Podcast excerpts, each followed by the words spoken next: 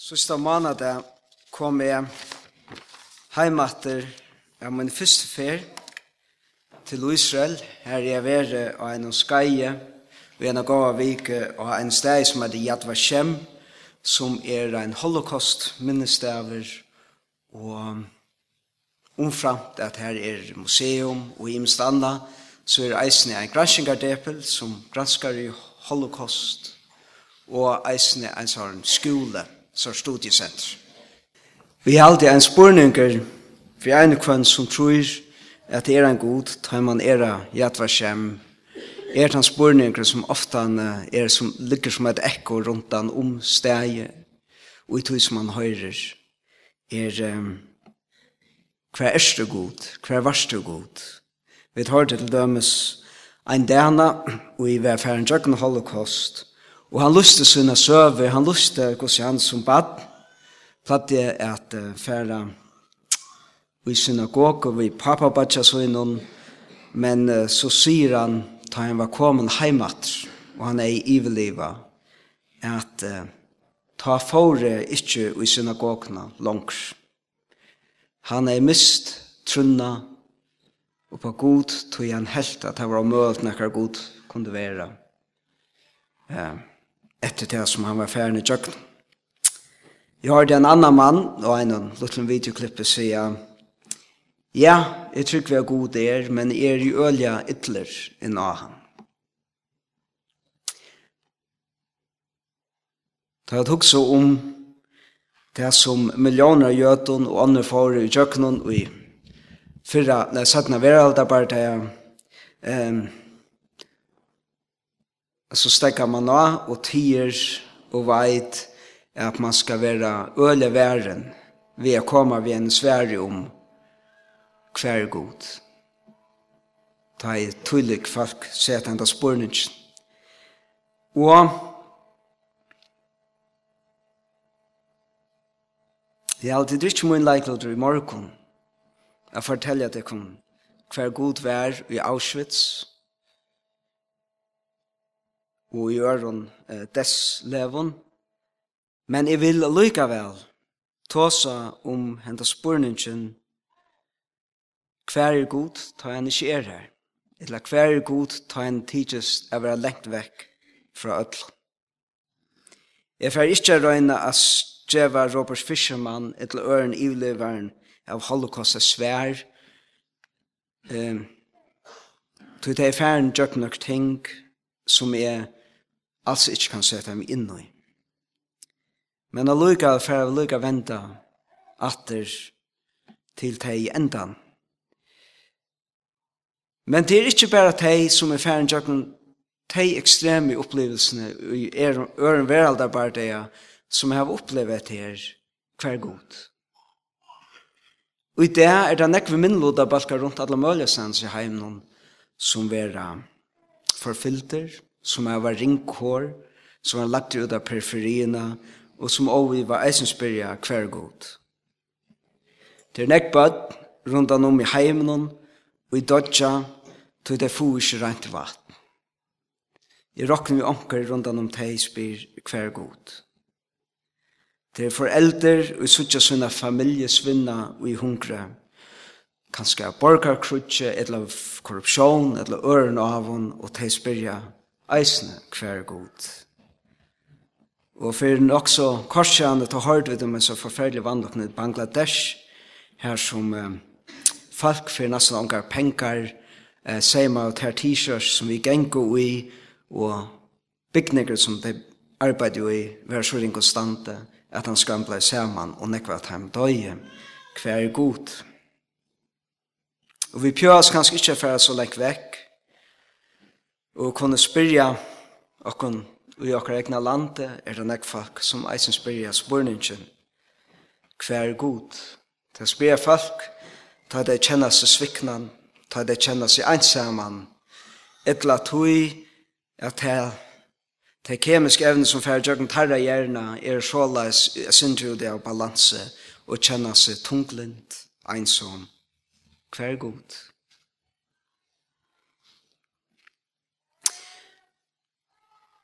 Ja, og bombardera det, det kom vi nekken omstøvn, og det er uh, ikke mot enda mal at vi skulle, eller er, at vi skulle missa trunna. Ta vi hitja myskre som er rundan om åkken og jegene. Men for kanskje dreia saman om etter her, fravera gods, hva det er det?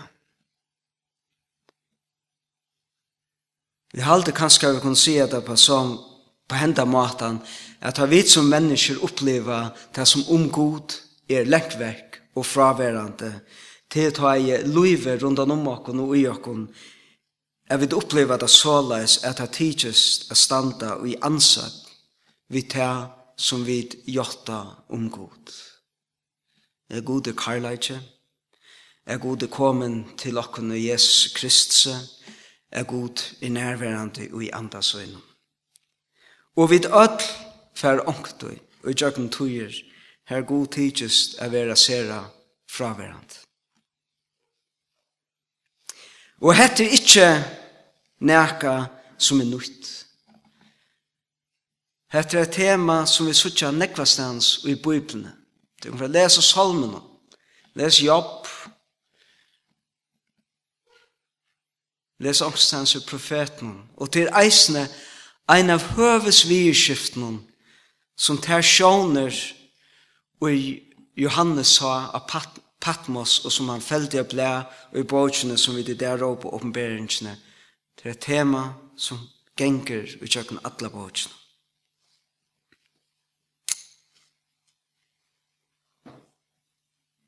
Ute av Patmos her, her er Johannes sender, han er sender ut av Patmos. Og han opplever at her samkommer som han skriver til, og som er honom ølja nær, færa og jøknum trångt.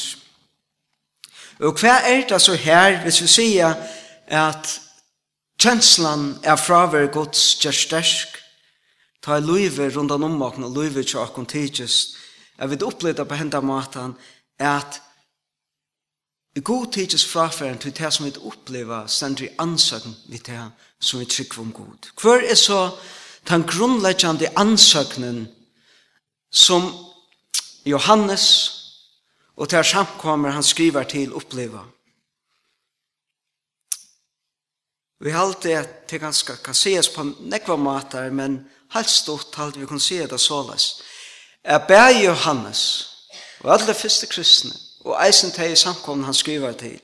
De heve hesa jottana, at endelige hever god gripi inn i søvna og hever vunne tan avgjørende siren over ötlun øntomakton vi til at Jesus kom og av en halt en måte som vender ötla høtt Ötlen høtte, så vann han den grunnleggjande sieren og krossen, og han visste det, og i sånne er oppreis, og til fyrste kristne var spent om, til nu troer de av ein, henta Jesus, som de røpte som kong, det synes jeg vidt, i oppenberingsene, og de råpa han herra og frelsere. De tryggva han som er kongren og hever vunnet han endelige siren, og så utjøkken han skulle enda om all gods vi ætlsvinn skapar verst vera fullfutja hei. Det er det som det er gjort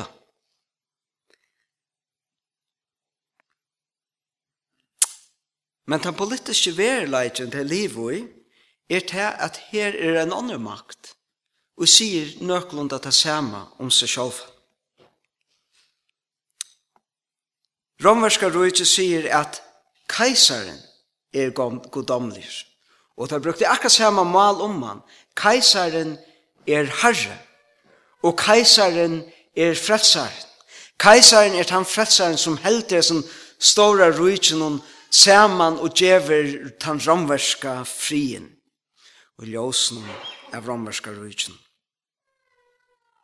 Og Guds hast hette atter ut i samfellan som de hese kristne som Johannes skriver til i måte enda noen av fyrste øld. Jo, her hever keisaren er eit godomles kyrkjes. Han vil tilby. Det er en godomlig gjering av politiskar makt. Og til en makt her som Rom og elitan som er her suger alt rujtjødømme til. Hvis i romverrøyken, hvis du var romverske statsborgar, og hvis du var i middelen elitene, så var du privilegeraver, og du kunne njóta avgåan av ötlun til rujtjudøme som rom sier til sin. Ur hatt noen tja rom ver hetta røpt Pax Romana, tan romverske frieren. Men Johannes som han sitter ut i Patmos ser det ur en øren sjónar hatt. Han ser det Ur sjånarhåten og tjattaimon som liva undersugin at romerska rujtjenon her i mittlen til samkommer han skriver til et eller nekv uitheim. Og her er rom at at at o godomlet at ønt andalig meie som er svart hål og suger alt tilsyn og gjever ikke ljøs.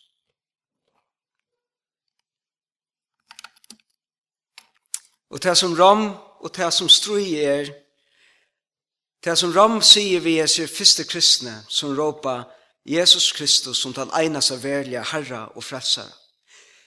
Det som ram sier vi til vaska, til skulle betale bare en luttlandprøys. Så slipper tid å være vi i spelen og kunne vite om de kunne njåta och av til ramverske avgoda dorskane og årettvisen. Det som de skulle gjøre, til det at de skulle eina fra mar, lykke bare komme formelt, uten noe som helst, de skulle bare gjøre det. Jota tilbya kaiser.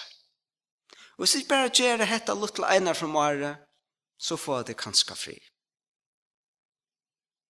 Om ikke, så vil det marginalisere, etsagt, og Johannes ser fram etter, kanskje i ljósen av tog som han langer ser, at deien sender fyrir ord. Ja, som han ikke, ikke tilber keisaren, så slapp man ikke at røya forretning. Man kunne ikke være vi i et lømøljen, og man setter langer og langer ut. Etter frestingen, så er det sjøen til som Johannes skriver til, til livet i hese ansøkene. Um, vit råpa og jotta Jesus som herra og konga og i atla som er atla valgt, all makt, atla makt og som er fer vi at fullfutja sitt versk. Hvordan ber det så til at ei makt som seter seg mot og god og gjør seg sjåvan til god som er oratus tidsest at vinna all. Og skulle vi så gengå på kompromis. Bare et lite synd. Hette er det som Johannes, alla senda, ustrøys vi. Og hvert er røyn, fire a hjelpa hesson samkomna til a vera trygg i måte tog herra som det heva hjelta, men som det luja sånne kvire, og som det kanskje heva synder ringt vi a suttja hver er han i ödlesnir. Så gjør Johannes nok ting. Og gjør den personer som han finner fra godt. og som han fester opp det, og såla som han setter seg. Han røyner og sier, hikk her, bare nå, så liva vid og Jesun tøyerskainon her. Og det virker som det definerer alt. Og i Jesu stenen her, og i Jesun romverska rujtjen her, som det virker etter stegi, her rom tidsis å bestemme alt. Og det som han gjør jagna sjånar til at han vukkar hese horisontan, han sier, hesen luttelig verleitjen som vi liv i, som tidsist at definere alt, han er nekst større. Ja, det kan godt være at Rom bant nu sier at det jørske trådene, men det er en andre trådene i himmelen som eier søste året. Ja, vi lever kanskje en tøyerskai i her skulle luja negv, men Det er lyd i dette tøyerskeie, og ljøsen er til store tøyerskeien som får lengt fram etter, med eisen lengt etter etter. Og ein dag, og på den måten røyner han at sige vaskvært, er for røyner at seta støvetikkere og i nærkere nekst større karmer. Og vi kan brukt. For det er bare tås som tar mat han gjør det. Og ein annan måte som han gjør det, til det som Elgjana kom inn nå, til er det fra byrjan av, så brukar han ikke bare byrjan vi å si, ja, Jesus er verlig konger. Han er verlig herren, og han er verlig at han som er fredstokken, og gjørs okken til rujt, og i blå og søgnen. Men han byrjar eisen langt i fyrsta kapitlet tverfer, og så det her som er fra å lese i fjorda kapitlet, brukar han heit om god, om færen. Han råpar han, han som er, han som vær, og han som kjemmer. Og i fjorda kapittel, til den første sjånen, og er en, er en nekvæsen sjånen for å komme inn som for å lyse og i fantastiske mynden så god at enda for å vinne som sier og ta strøy og alt mulig så byrjar sjåna vi en er sjån at vi trån i himmelen her som god sitter. Og til kunne lesa alt de versene sjålve om hvordan durten og glæman og alt hvordan fantastisk og hvordan vel kjipa det.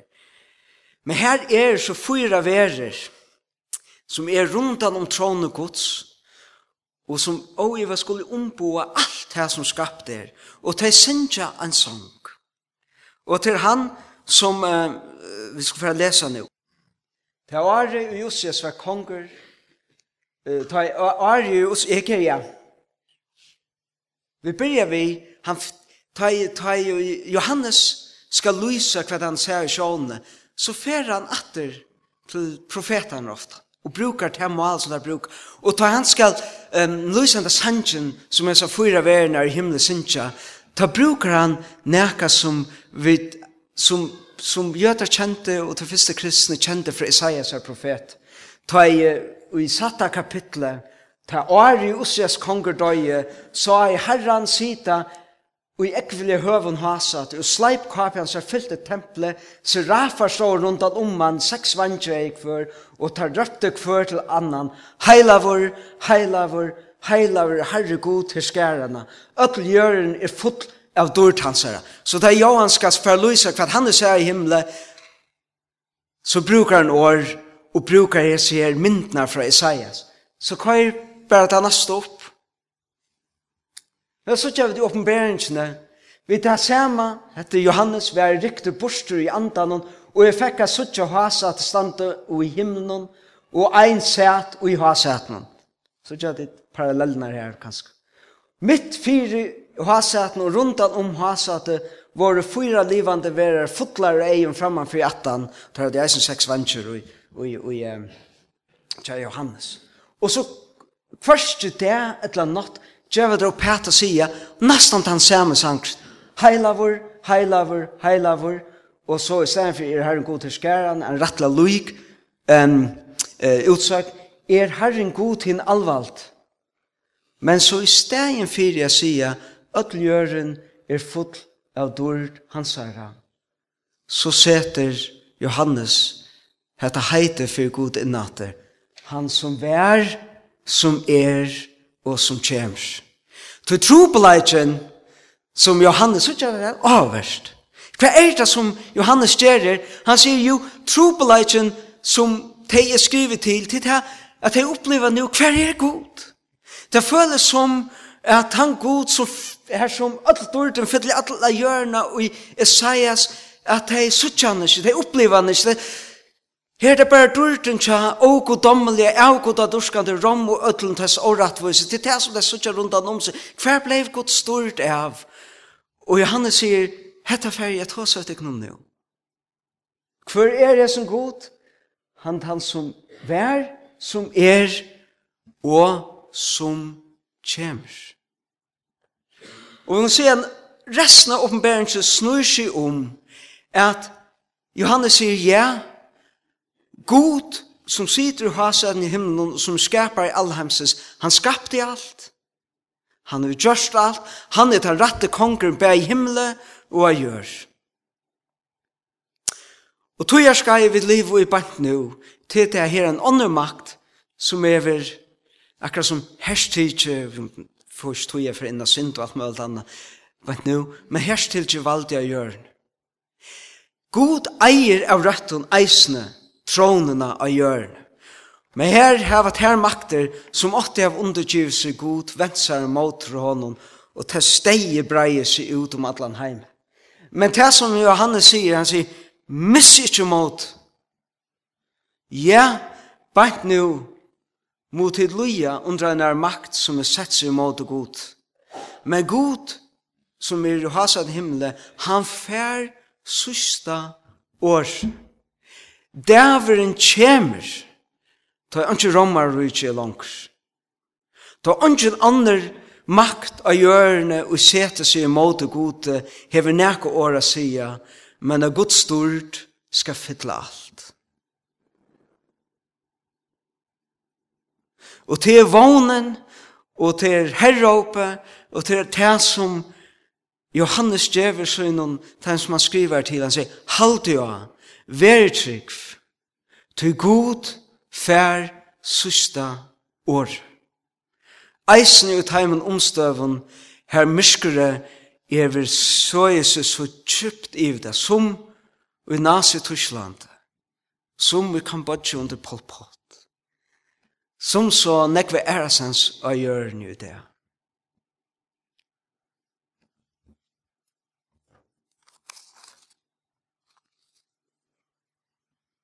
Vi tryggva at han god som kjems. Men vi tryggva eisne at hovas oftane tids han lengt vekk. Og det er der oppenberingen eisne så er han kommet til okk. Og Jesus. Han sier endelig siren, han er veldig vunnen av krossen. Men den krossiren er og gjøkken og tamman som hekka krossen og sier og i tog han døye.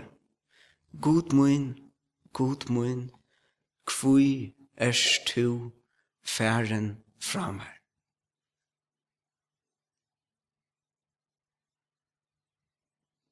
ein dag, og vi boi etter tan dag ta sier Guds skal være fullkom.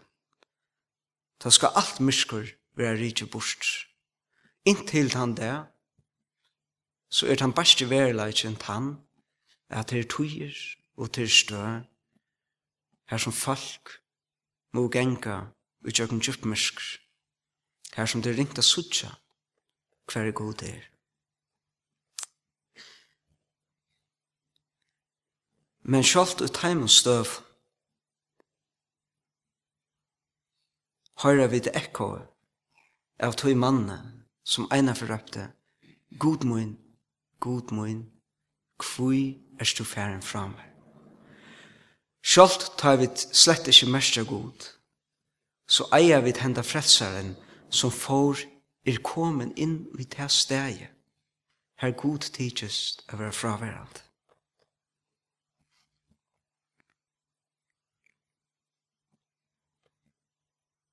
Hva så?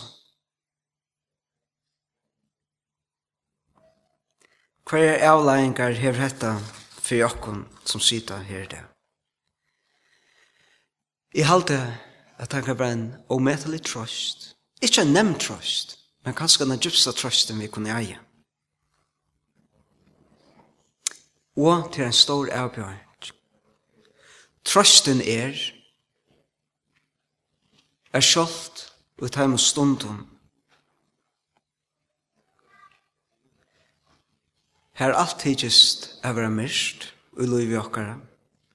Her god og alt tei i åtte er vera nærvera gods mittel okkon hittist er lengt vekk. Ta eivet er det så trøstna. Ja, jeg opplever det såles. Men det som jeg opplever er bare avmarska og i tog sted. Men jeg eier han god, som fevner enn en nekk langre tog, og en nekk hakre og djupre sted. Og han lovar at han kjemmer. Han lovar at han sørste der han kjemmer, da hans enda mal vera fullfutja. Og ångtøy er til Det eneste trøsten vi kunne akkurat som halda fast i.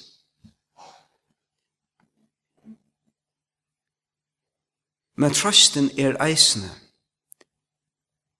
at just ut heim og støv og heim plassen her som god tidsist er være mest fraværand ta eia vid ein frelsara som får inn i det stedet her god er fraværand god mun, god mun hvor er stå færen fra meg.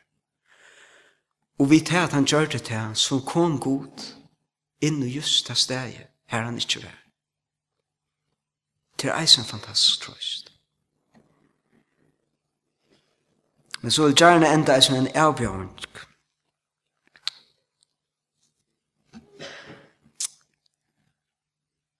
Grunden til at menga stjernest tidsest at spurningur stinks jo opp ofta. Og ofta han er årsaken til at spurningur om hver er god og kan nekar god vera er ofta han vekna til myrsker som vi som mennesker selv har skapt. Ikke alt, men ofta. Nazi-Tyskland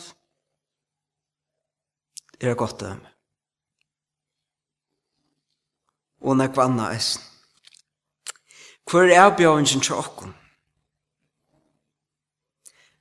Første avbjøringen halte jeg som samkommer er er vet eier vera til folk som god sast i.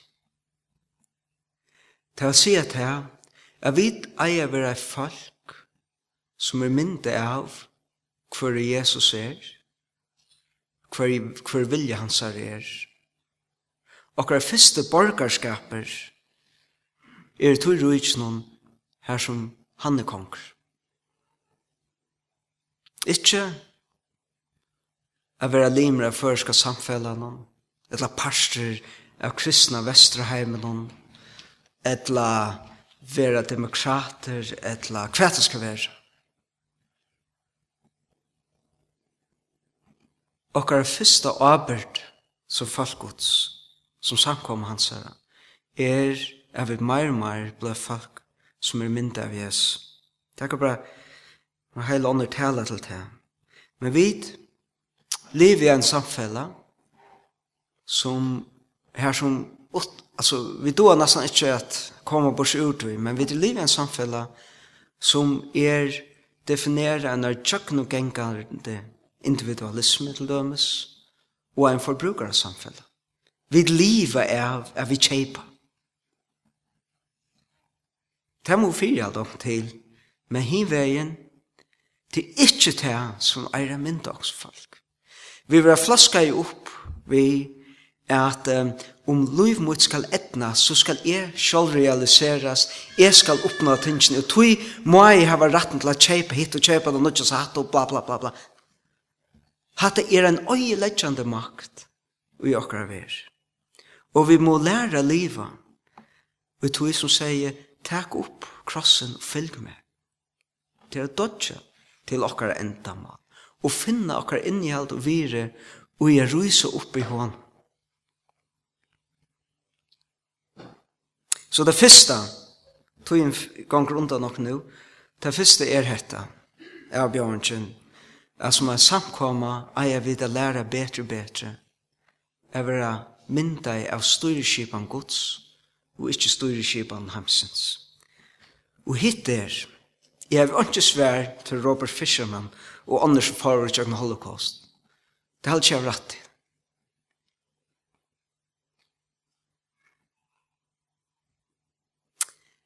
Men jeg halte at det mørket har ikke vært så størst hvis er kristen bæ i Torsland og ærastans røpte jeg sindre herrer i trøtten. og så det vi genge ikke vidlete og summe så ljøsgods til det var nøkker som stod i måter okkar er avbjong i det som falkgods er å være nærværa gods her som folk råpa god mun, god mun, hver erst Læt okken teka trøstna vi okken, at det er god tid tids fjærer, at vi eier en god som kommer, og som kommer til okken av Jesu. Og læt okken teka avbjørnene til okken, at vi eier, at vi er myndeie av okkar frelsare, som er folk, som er ljósgods, mittlen, særlig mittlen teg, her god tidsist lengt vekk. Amen.